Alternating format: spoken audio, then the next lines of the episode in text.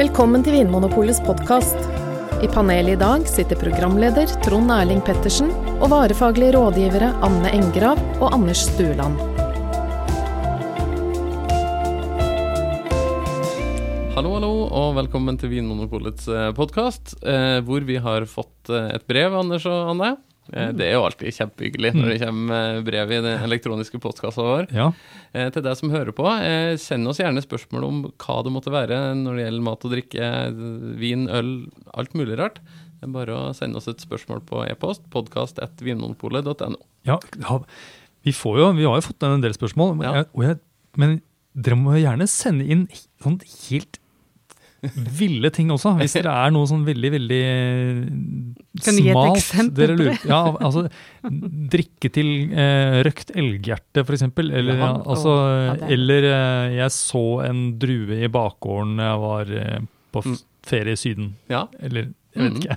ja, Hva heter den hårete drua i Portugal? ja, spennende. Send inn til oss. Ja, for eksempel. Mm.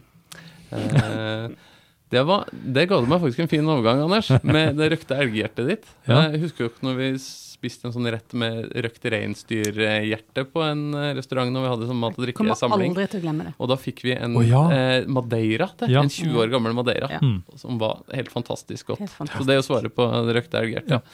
Gamle madeira. Mm. Mm. For eh, spørsmålet i dag fra eh, Camilla Huggins Aase eh, handler om sterkvin. Ikke madeira, men om portvin og sherry. Mm. Eh, Camilla skriver følgende. Hei, og takk for en fin og lærerik podkast. Jeg lurer på om dere kan snakke litt om portvin og sherry.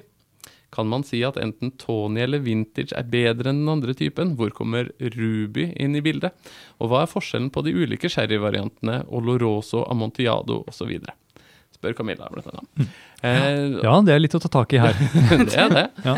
Eh, og portvin og sherry, Anders, det er jo kanskje to litt sånn glemte produkttyper. Mm, det, er, det er kanskje tenkt, mange tenker på det som sånn gamlisdrikke. Mm. Mm, eh, men samtidig så er det jo Det fins sånne små enklaver av eh, hipstere som, eh, som, eh, som nyter sterk sterkvin. Ja, Ja.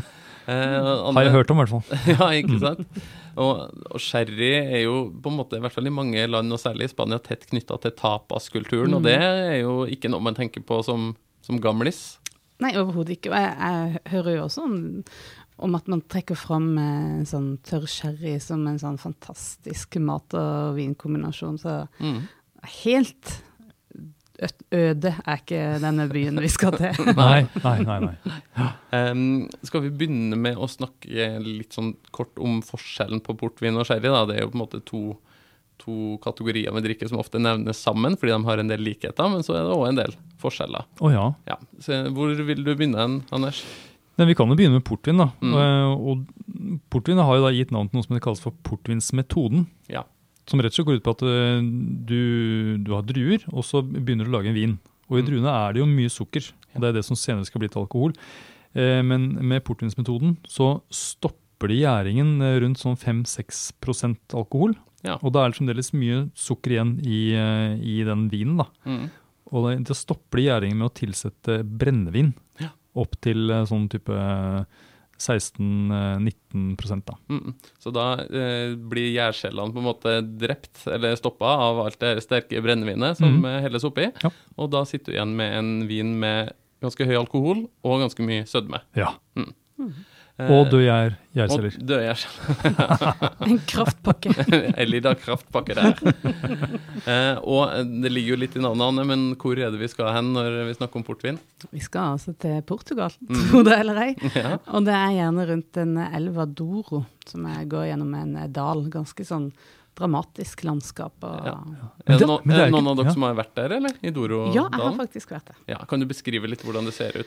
Den er, det, det er litt sånn goldt landskap, egentlig. For den er jo Det er jo bare stein og vinmarker, egentlig. Og, og så er det gjerne liksom terrasserte, bare fordi dette er så bratt. Så de har liksom bygd ut sånn at det, at det er mulig å dyrke uten at det skal bare renne nedover. Mm. Og så er det denne elva da i bunnen. Så det og ganske kronglete, sånn svingete og eh, ja, en, eh, Men det ser, det ser utrolig vakkert ut med de her bølgeterrassene som på en måte svinger seg i fjellsida der, og så har du elva i bunnen Ja. der. Det ser jo spektakulært ut. Ja, hvis man er interessert i vin, så er det et sånn høydepunkt å Mm. komme dit sånn. Og tenk så mye arbeid som ligger bak. altså Forme det landskapet som uh, det er gjort. Da. Det er helt, helt vanvittig. Det, jeg lurer på om det er jo en gammel appellasjon, altså mm. portvinsappellasjon. Den er fra 1756 eller noe, så Ja. det er en av de eldste i verden. Mm. Holdt på der kjempe, kjempelenge. Mm. Men det heter ikke portvin fordi det kom fra Portugal, det er fordi det, de ble skippet ut fra Oporto, den Ja. byen. Byen Porto. Ja, det er sånt, for Ja. det ligger der ved utløpet av den elva. Ja, Mm. Og det er der det gjerne lagres også, for da har du fått det ned, og så, og så skippes det ut. Mm. Gjerne til engelskmennene var jo veldig glad i det. Men det passer bra da, at det heter portvin og Portugal. Mm. Hmm. Ja, for er Portugal er det kalt opp etter Oporto? Ja, kanskje det, eller at det er kalt opp etter portvin. ja. eh, men sånn litt sånn inn i landet, på en måte opp, opp etter elva, der dyrkes druene. Mm. Ja. Eh, ofte røde druer. Den røde portvinen er kanskje den mest eh, kjente. Mm. Men Ja. også hvite, altså grønne druer, da. Ja. Men vi skal komme Eh, tilbake til uh, typene portvin. Ja. Eh, Så da lages vin der, og så blir den på en måte skipa ned til utløpet og lagra der hvis den skal lagres videre, og Mm. sendt ut i verden. Til England. Ja. Eh, Blant og annet. litt grann til Norge. Jo da. Um, Til Rotary og sånne hipsterklubber. hvilke druer er det man bruker til å lage portvin? Eh, Jeg kan nevne i fleng. Ja. Det er fordi de bruker ganske mange. Jeg kan ikke alle sammen. Det er sånn Tinta Roriz, som er det sånn som Tempranillo.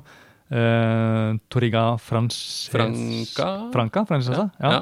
Eh, Ja. Også Torriga Nacional, Mm. som da kanskje regnes som den liksom, aller beste Ja. blå portvinsdruen. Så det er en rekke lokale portugisiske druer. Det er Ja. ikke noe sånn Cabernet Sauvignon Nei. og Pinot Noir inni Nei, bildet nei, her. nei, nei. Så er det en blanding, det er ikke bare én drue, da. Mm. Mm. Um, så nevner jo Camilla her eh, Tony. Det er en portvinstype. Mhm. Vintage, eller årgangsportvin. Ja. Og Ruby. Ja. Eh, Anne, kan du si litt sånn kort om hva er hovedforskjellen mellom dem her? Hva, hvordan, er det forskjell på hvordan de lages, hvordan de smaker? Ja, eh, det er det. det er jo, forskjellen ligger jo i hvordan de, de lagres, egentlig. Mm. Mm. Eh, og det er, så du har det samme utgangspunkt i alle disse forskjellige stilene. Og så eh, Tony henspiller på fargen, engelske ordet for murstein. Ja, litt sånn Ja. rustrød, mursteinsrødaktig. Ja. Mm. Eh, som er, betyr at den vinen har ligget lenge på fat. Store fat. Med, så, så det har fått litt grann, eh, lufttilgang, og som har gjort at vinen har mista den rødfargen og blitt mer sånn brunlig. da. Ja. Rødbrun. Så det er liksom eh, den, eh, eller den der kontrollerte oksidasjonen, det er det som har lagd den vinstilen. Mm. Som er, gir litt mer sånn nøtteaktig preg, og, Mm. og fjerner seg fra det bærpreget. Nydelig. Ja, det er veldig godt. Tørka frukt og litt Ja. sånn krydder, karamell, sjokolade, ja. nøtter kan man få. Og dyp, dyp, dyp smak. Ja. Uh, lang, lang, lang Mm. ettersmak. Mm.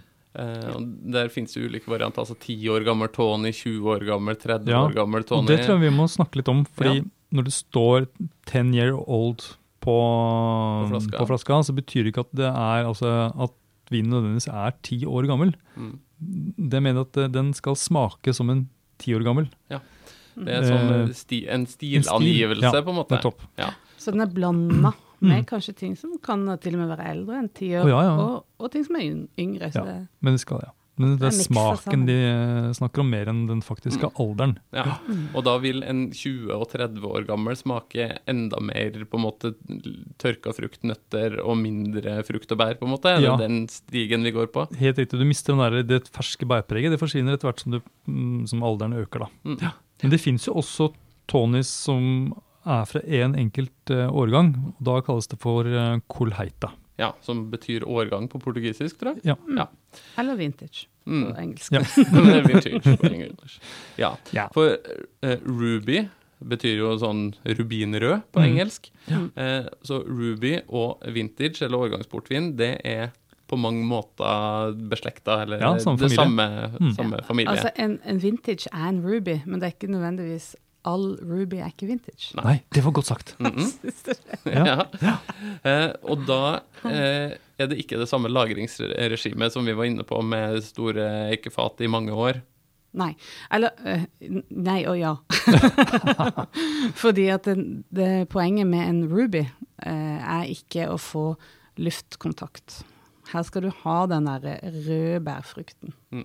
Litt ferskere fruktighet. Mm. Ja, en ferskere fruktighet. Og eh, en, eh, for å ta en vintage, da. Da, da tar du all vinen fra en spesiell eller, All vinen i en vintage er fra én spesiell årgang. Ja. Eh, det er den årgangen som står på etiketten, da. Mm. Si 1977, som var min årgang. Mm. Et veldig godt år. Bare for portvin, Mm. ikke noe andre steder i verden. Nei, nei, men vi må ta med oss det vi kan. Og, eh, og så tar du da de beste, gjerne velger de beste vinmarkene du har, og tar denne Da må du gjerne til og med få tillatelse for å lage vintage i, i dette året. Mm. For at, ja.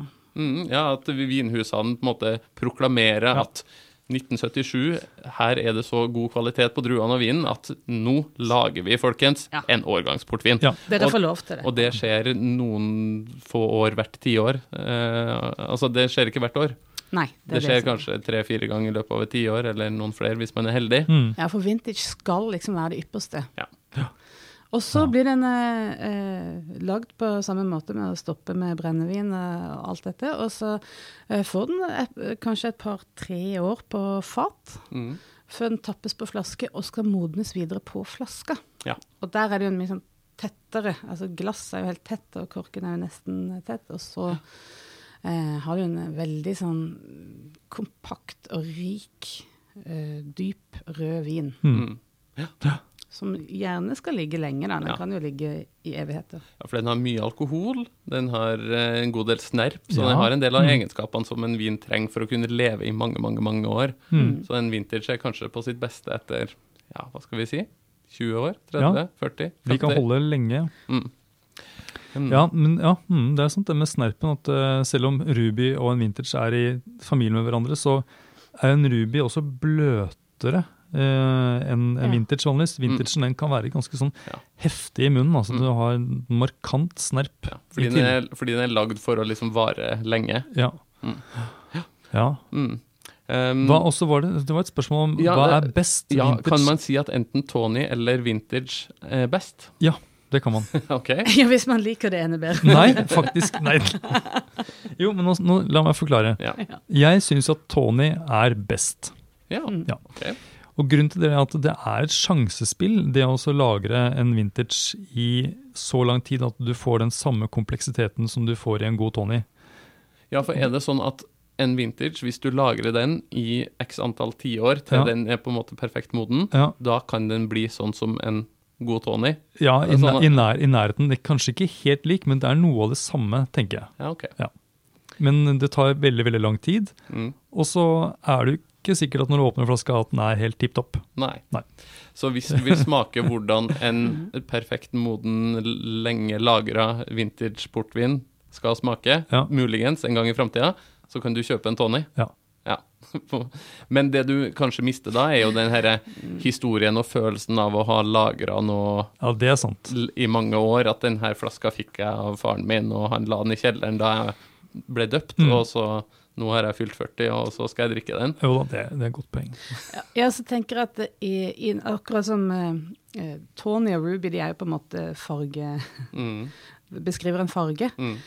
Men akkurat som vintage har det et motstykke i Vintage er jo da en Ruby, men Ja. eh, den har jo også et sånn motstykke innenfor Tony-stilen Mm. som heter Colheita, Mm. og som er Årgangs-Tony. Som betyr årgang på portugisisk. Og det er jo en, fra én årgang, Mm. så da kan du få litt av den samme historien at du har eh, fått Ja, det fra Ja. ditt år. Ja. Men den er liksom ferdig modna. Ja, du slipper å liksom, måtte lage den videre selv. Ja. Men altså, årgangsportviner er jo gjerne veldig dyr, det er mye snakk om dem. Mm. Det, altså, jeg tipper at ikke alle er enig i din bastante erklæring om at Tony er er bedre enn vintage, eh, Anders. Ja da. Og så finnes det noe som heter late bottled, late bottled vintage. Også. Ja, L LBV. LBV, ja. Ja, hva er det for noe? Eh, Det er jo da kanskje vin som i utgangspunktet var ment som en, en vintage, eh, kanskje, eller som eh, var liksom i nærheten kvalitetsmessig, Mm. eh, og som da får ligge litt lenger på fat. Ja. Kanskje opptil seks år. Mm. Men som fremdeles minner litt om vintage po- portvin. Ja, Um, litt sånn hurtigmodne vintage, på en måte. Hurtigmodne, ja. Stilmessig noe av det samme. Kanskje ikke så fast eller så konsentrert. Men mye av det samme med sånn mørke bærfrukten. Mm. Ikke så utviklet eller oksidert da, som en, en Tony. Mm. Så vil du ha en, eh, noe som minner om vintage, ikke Mm. koster så mye, Mm. og som eh, ja, kanskje utvikler seg litt fortere, Ja. prøv en LBV. ja. Og de kan jo også lagres i årevis. Å ja, ja. Mm. Eh, Og så Ja. Vær så god, Anders. Ja da. For det finnes jo hvit portvin også. Ja, det har vi snakket om. Ja, eh, og da eh, får du alt fra tørre til eh, søte, faktisk. Ja. Mm. Og så er det da den moderne hvite portvinen. Den er jo eh, laget uten noe særlig tilgang av oksygen. Mm. Så den er ganske sånn fruktig, rett fram. Mm. Eh, men så er det en sånn type gammeldags eh, hvit portvin, Mm. som har mer eh, det oksiderte preget, som er på en måte en sånn eh, eh, hvit portvins svar på Tony, på en måte. Hvor du får dette nøtt nøtteaktige preget, som kan minne litt om sherry igjen, altså vi skal prate om senere. La meg gjette hvilken du liker best. Den gamle. ja. Og så, Mm. nemlig, så har det kommet en, en annen kategori. Siste trendy nytt fra Yes. Dorodalen. Og det er roséportvin. Ja. Mm. Mm. Det har jeg aldri smakt. Har du? Nei, jo, jeg prøvde det et par ganger. Jeg syns det er noe forbanna tull. Nei, jeg vil ha en sånn gammeldags portvin. Du er en gammel mann i en Nei, ja, ung og sprek kropp, ja. Ja, nei. Mm. nei da, men, det, men litt sånn som den hvite portvinen som er av den moderne stilen, så er dette en fruktig Ja. eh, portvin som skal drikkes mens den er uh, fersk og ung, og gjerne godt avkjølt. Mm, akkurat som vanlig rosévin. Mm. Mm. Eh, til mat, da, Anne. Hvordan bruker man portvin til mat? Fins det noen magiske kombinasjoner mellom eh, Mm, Portvin ja, altså og- Da jeg var i, i Dorodalen, så Mm. mente jeg at du kunne bruke den gjennom hele måltidet. Og kunne Ja, bruke selvfølgelig. portvin til absolutt alt. Ja. jeg, jeg vet ikke om jeg syns det er så vellykka, men det er jo en eh, sånn eh, eh, forslag fra mange om at, eh, at eh, en sånn type eh, LBV eller vintage til pepperbiff Ja. At det er en sånn en um, Mm. wow og uventa god kombinasjon. Ja. Men det blir jo veldig søtt, da. Ja, jeg syns jo det er litt problematisk det med den sødmen, men det kan være en spennende sånn Mm. aromatisk eh, kombinasjon. Ja, og Tipset er å ta litt mindre slurker. Ja. Ja. Ja, for det er ganske alkoholsterkt, og Ja. det er søtt. Og det er liksom en, det er voldsomme viner. Det er ikke noe man eh, bøtter nedpå av. Nei. Mm. Nei, og det gjelder jo også Jeg, jeg bruker jo gjerne portvin til desserter, Mm. Og jeg bruker jo en del dessert. Også til, ho også til hovedrettene. men, eh, men eh, sånn type vintage-stil, da, LBV eller vintage, til sjokolade, Mm. det er jo kjempegodt. Ja, og Ja. kanskje med litt sånn mørk bærkompott eh, ved sida av den Gjerne sjokolade. Men er det noe galt med Tony og sjokolade nå? Nei, absolutt ikke. Nei. Men det er litt som om du velger eh, sånn bærkoli eller nøttetilbehør. Ja, det er godt sagt. Begge Mm. deler er veldig godt, Ja. men det er liksom hva du har lyst på. da. Mm. Ja. Eh, sånn, og litt sånn litt gammel Tony sånn i jula til nøtter og Mm. julekaka. Mm. Herlig. Og så må vi ikke glemme blåmuggosten. Nei, det må vi jo ikke glemme. Nei, det må vi ikke. Pepperkake, blåmuggost, et Og- lite glass med eh, Tony. portvin. Tony. Tony, ja. men i England så er jo Stilton og vintage er jo en sånn en klassiker. I Rotary er det veldig populært. Gnir de inn osten med Du, jeg har faktisk sett et sted de hadde en gigantisk tønnelignende stiltenost. Altså gigantisk. Ja. Som de hula ut i midten, og så helte de Og så helte de inn. Og så badet de oppi på Engelskmenn, altså. Og så satt de arm i arm oppi. Jolly good, lads. Ja. Eh, yes. Da tror jeg vi skal bevege oss uh, til Spania. Ja, det blir en lang episode der. Men Ja, Ja. ja, men sånn er det når Ja. man uh, begir seg ut til, Mm. til sterkvinsområdene. Da blir det, det, det er mye vi skal gjennom, og det er det på sherryfronten òg. Ja. Eh, Camilla spør jo her om hva som er forskjellen på de ulike sherryvariantene, som Oloroso, Amontillado osv. Um, og så skriver hun eh, Jeg har brukt en del sherry i matlaging, men ofte står det bare tørr sherry i oppskriften. Hvilken type sherry er best å bruke da? Og om man skal drikke sherry, hva passer det å spise til de ulike variantene? Eh, Men kanskje vi skal begynne med en eh, variant som hun ikke nevner, eh, som heter Fino sherry. Kanskje det er det beste stedet å starte når man skal forklare hva sherry er for noe? Eller skal vi begynne mm, kanskje med hvor vi er hen i Spania? Det er alltid et fint startpunkt, syns jeg. Ja, det er den tradisjonelle måten å gjøre det på. Ja. Ja. Mm. Vi zoomer inn fra, fra verdensrommet. Ja. Mm. Mm, og da zoomer vi inn på Spania. Spania sørkysten av Spania. Ja. Andalusia. Mm. Under, under Portugal, på en måte. Mm. Ja. Ja. På hjørnet der nede. Ja. Mm. Ut mot eh, Atlanterhavet. ja. Ut mot havet. Mm. Det er sånn, sånn kalkrik leire i Mm. jordsmonnet. Så står vinplantene der og så vaier i sjøbrisen og ser utover havet. Mm. Og, og området heter jo Jerez, Ja. som engelskmennene da sa sherry. ja. Det er et stykke fra Jerez til Sherry, Ja. sånn uttalemessig. Og De har jobba godt, engelskmennene, for å lage sitt eget uttrykk, men det er jo derfor sherry heter sherry, fordi Ja. det kommer fra byen Jerez de la Frontera. Si, si. Eh, og så er det et par andre byer der man også kan lage sherry. Ja. San Lucar de Barameda. Og El Puerto de Santa Maria. Si. Mm, si, si, si. Eh, så, men i hvert fall i området der nede på, i Andalusia så um, kan man lage sherry. Mm. Og her er det og helt egne druer som brukes, Anders. Det er det. Palomino er da den grønne druen som mesteparten av sherryen produseres eller baseres på. Mm. Men det brukes også en drue som heter Pedro Chimenez til eh, veldig sånn søte sherryer. Mm. Eh, Men altså utgangspunktet for all sherry er, eller nesten all sherry, er da en hvitvin, egentlig, Mm. av ei drue som heter palomino. Ja. Og den tror ikke den er så veldig spennende som hvitvin. Den er ganske sånn Mm. nøytral. Ja. Mm, litt, kanskje, jeg tenker litt på det som i, når man lager champagne. Da lager man òg en ganske sånn nøytral og syrlig, Ja. tørr, ikke så spennende hvitvin. Men så kommer det spennende i hva man gjør videre med den hvitvinen, Anne. Nettopp. Ja. Og hvordan lager man sherry? Det er jo egentlig litt eh, samme prinsippet som portvin. Mm. Eller, det, er jo, det kommer an på hva skal vi snakke om fino først, kanskje? Ja, jeg tror kanskje vi skal gjøre det, men Ja. altså, fellestrekket er jo det at uh, det er en sterk vin. vin, en forsterka vin. Det Ja. tilsettes brennevin. Ja. Ja. Men de venter jo til vinen er gjæra ferdig, så vinen er jo i praksis tørr. Mm. Og så tilsetter de brennevin, og da tilsetter de mye mindre brennevin enn det som trengs i portvin f.eks. Ja, for en portvin er som regel på sånn 19-20 Ja. eller sånn 18-19-20% alkohol. Ja, og så tilsetter de da når vinen er på sånn 5-6% mens sherry så gjærer vinen eh, ut, så den er kanskje på en sånn 11-12 Mm. Og så topper det opp med brennevin eh, til den er på sånn ja, 17 omtrent. Ja. Men hvorfor gjorde de det egentlig? Var det bare for holdbarheten? Jeg tror det. Mm. Det var jo en ganske god idé. Mm. Og så er det ikke bare palomino, men det er også, en, det er også noe sopp Ja.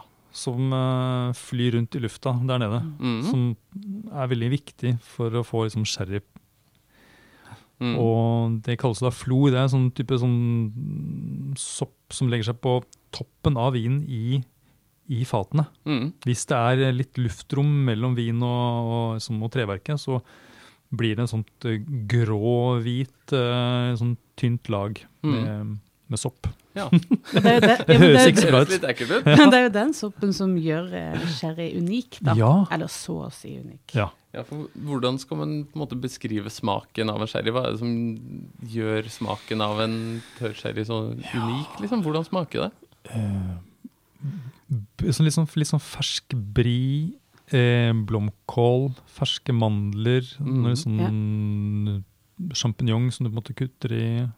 Hint av noe sånn skinkegrønn oliven. Mm. Det er ganske sånn Det høres- kompleks eh, sammensetning av aroma. Høres ut som tapas, egentlig. Ja, ja, det gjør det. det er ikke så rart at man tenker at det her passer godt eh, til et spansk tapasbord. Ja. Mm. Ja, og det, da ligger dette sopplaget på toppen eh, og beskytter vinen mot oksidasjon også, samtidig som den setter preg på vinen. Mm. Eh, men det, det- er jo ikke all sherry som har dette florelaget, men Nei. hvis du skal ha en litt sånn lys, tørr sherry, så får du dette florelaget med på Ja. kjøpet. Mm. Og da heter sherryen fino. Ja. Eller Eller- manzanilla, hvis den lages i en av de her tre byene. San Luca de Barameda. Ja, men det er egentlig samme prosessen. Ja. To forskjellige navn på en lys eh, Litt som en hvitvin, men med de her spennende aromaene som du eh, snakka om, Anders, som Mm. kommer fra den eh, lagringa under et lag med flor, Ja. eller eh, ja, sopp. Ja. En slags gjærsopp. Mm. Det er noen få andre vinområder i verden som har som lager vin med sånn flor, men det er så å si bare sherry. Ja, litt grann i Tokai i Ungarn og i eh, Jura i Frankrike, hvor vi har vært. Så hvis du vil høre litt mer om eh, flor fra Jura, så kan jo du som hører på, laste ned en av episodene våre derifra. Mm. Vi kaller det slørvin. Ja. Jeg syns det er et veldig fint navn. Mm. Mm. Ja, for flor betyr slør på spansk, eller, eller er det blomst? Jeg Tror det betyr blomst. Ja, nei, på, på, på fransk så er det slør, ja. Ja. Voile. Voile, ja. Mm. Mm. Det er blomst på spansk, ja, det tror jeg det er rett i. Det er jo en fin måte å si et lag av sopp på. Mm. Ja. Det ser ut som vakre blomster. um, men altså, Camilla nevner jo her andre varianter. Amontillado, oloroso. Mm. Er det flere vi bør vite om? Ja, det er så er det Palo Cortalo, og så er det noe som heter Enrama, som er litt, sånn, eh, litt i vind nå. Mm. Um, Ja. Men, ja, det fins jo eh, sherry som ikke har det florpreget, var du inne på. Ja. Hva slags sherry snakker vi om da? det er jo først og fremst Oloroso, tenker Mm. jeg, men uh, også Amontillado. Men som regel så er Amontillado en, en vin som begynte livet sitt som en eh, fino, og så ble det florlaget for tynt, Ja. sånn at vinen begynte å oksidere litt, og da får du litt brunere farge og litt av det der nøtteaktige preget. Ja. Eh, I tillegg til den der eh, typiske floraromaene. Mm. Mens en oloroso, den er med vilje Ja. uten det her florlaget. Ja.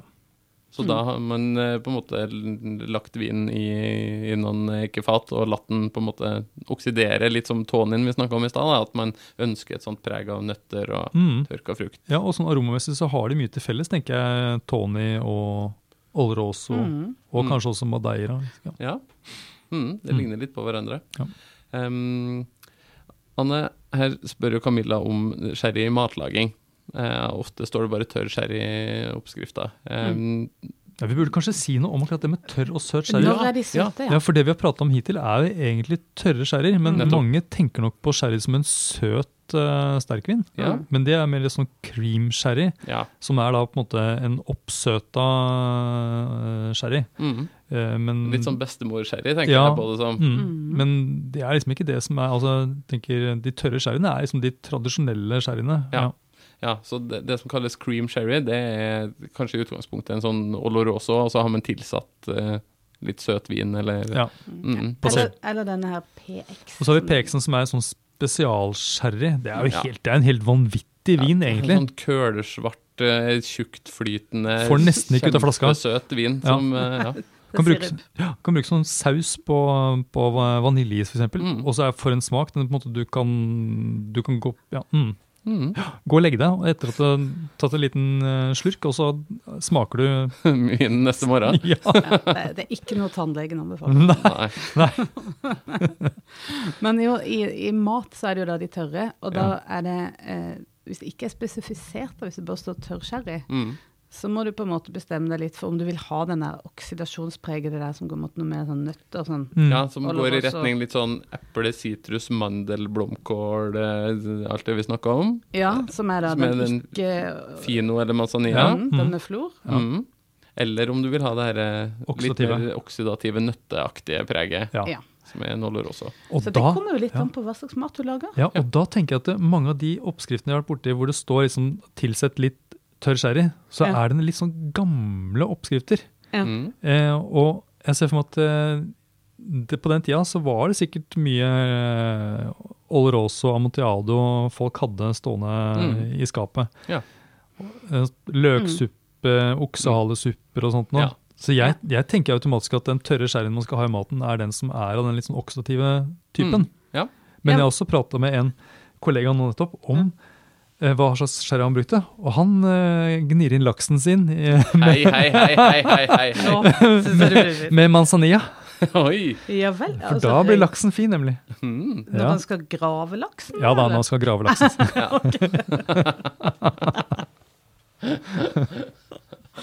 Ja, Mm, nettopp. ja. Ja, og jeg tenker kanskje sånn dampe blåskjell og sånn. da. Det Ja, kult at nettopp. Oppi noe sånn der fin fino type Ja. Så man nesten se, se an retten litt, kanskje. Hvis det er noen litt sånn lysere, lettere ting som eh, med fisk og skaller og noe, så er det den der fine manzanilla-typen. Og så er det mer sånn innkokte ja. supper og sopp og kjøtt og sånt noe. Mm. Mm. Noe som har litt sånn der eh, Mm, major eller innkokthet. Sånn. Ja, litt sånn karamellisering, på en måte. Ja. Da passer det med en litt sånn karamellisert vin. Ja, Ja. Da tar du den oksidative stilen. Ja. Amontillado eller Oloroso. Mm. Og så må jeg bare legge til at det finnes noe som heter sherryeddik. Ja. Som, Ja. Der du kan få mange av de der samme litt sånn oksidative aromaene.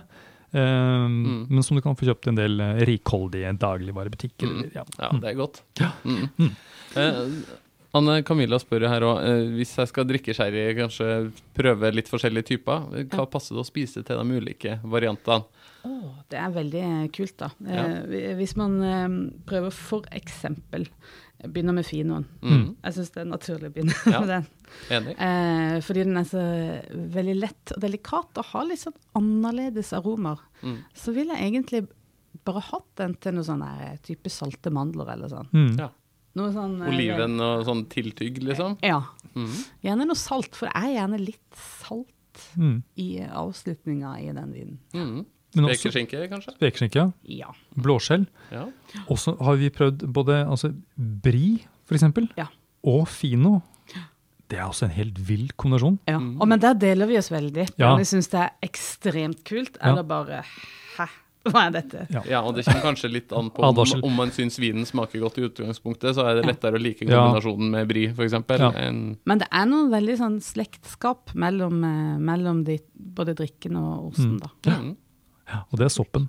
Det er soppen. Mm. Vi må takke soppen. Ja. Igjen. Vi må alltid takke Mm. soppen. Og hvis man steiker sopp og lager en soppstuing på toast og sånn, da tenker jeg kanskje da er vi mer på de eh, litt mer oksidative stilene. Mm. Da hadde det vært godt med noe amontiado eller oloroso. Ja. Helt Og eh, som Anders var inne på, løksuppe. Ja, Ja. Ja, da er det amontillado, ja. Ja. Mm. Tørre Amontillado Mm. har vi jo hatt også veldig mange kule eh, eh, sånn opplevelser med. Men Mm.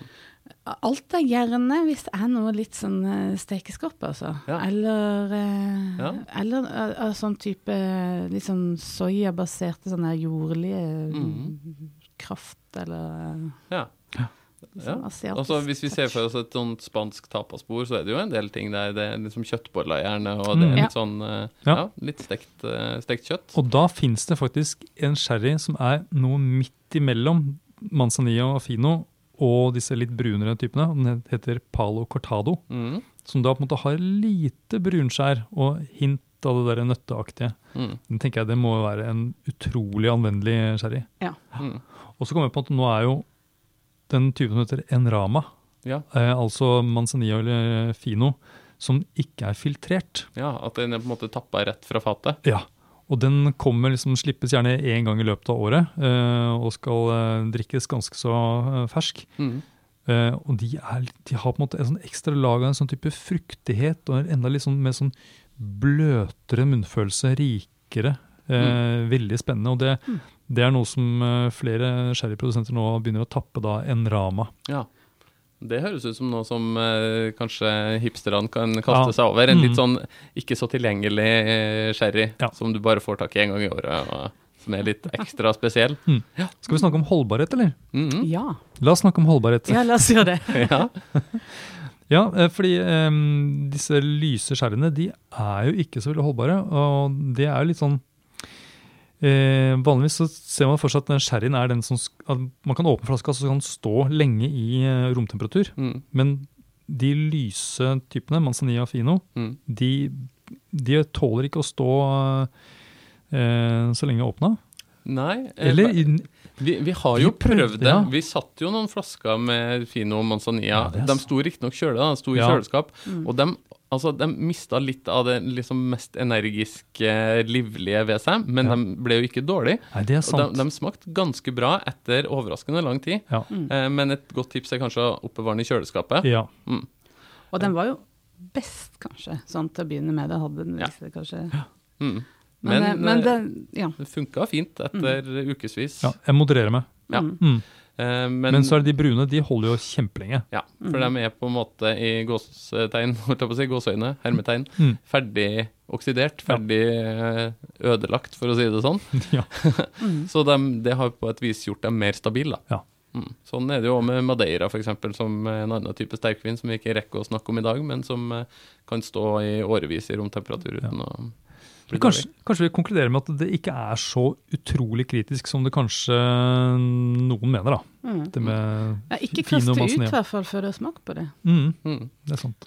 Og så kan vi jo også konkludere med at det finnes såpass mange ulike typer av både sherry og portvin at eh, det er også litt tidlig å konkludere med hvis du har smakt én type, da, hvis du har smakt bare fin og sherry og en eh, ruby portvin, Mm. så finnes det en del andre typer du kan prøve for å finne ut om, eh, om det kan være noe for deg. Å ja, det er mye, mye mer der ute. Mm. Ja.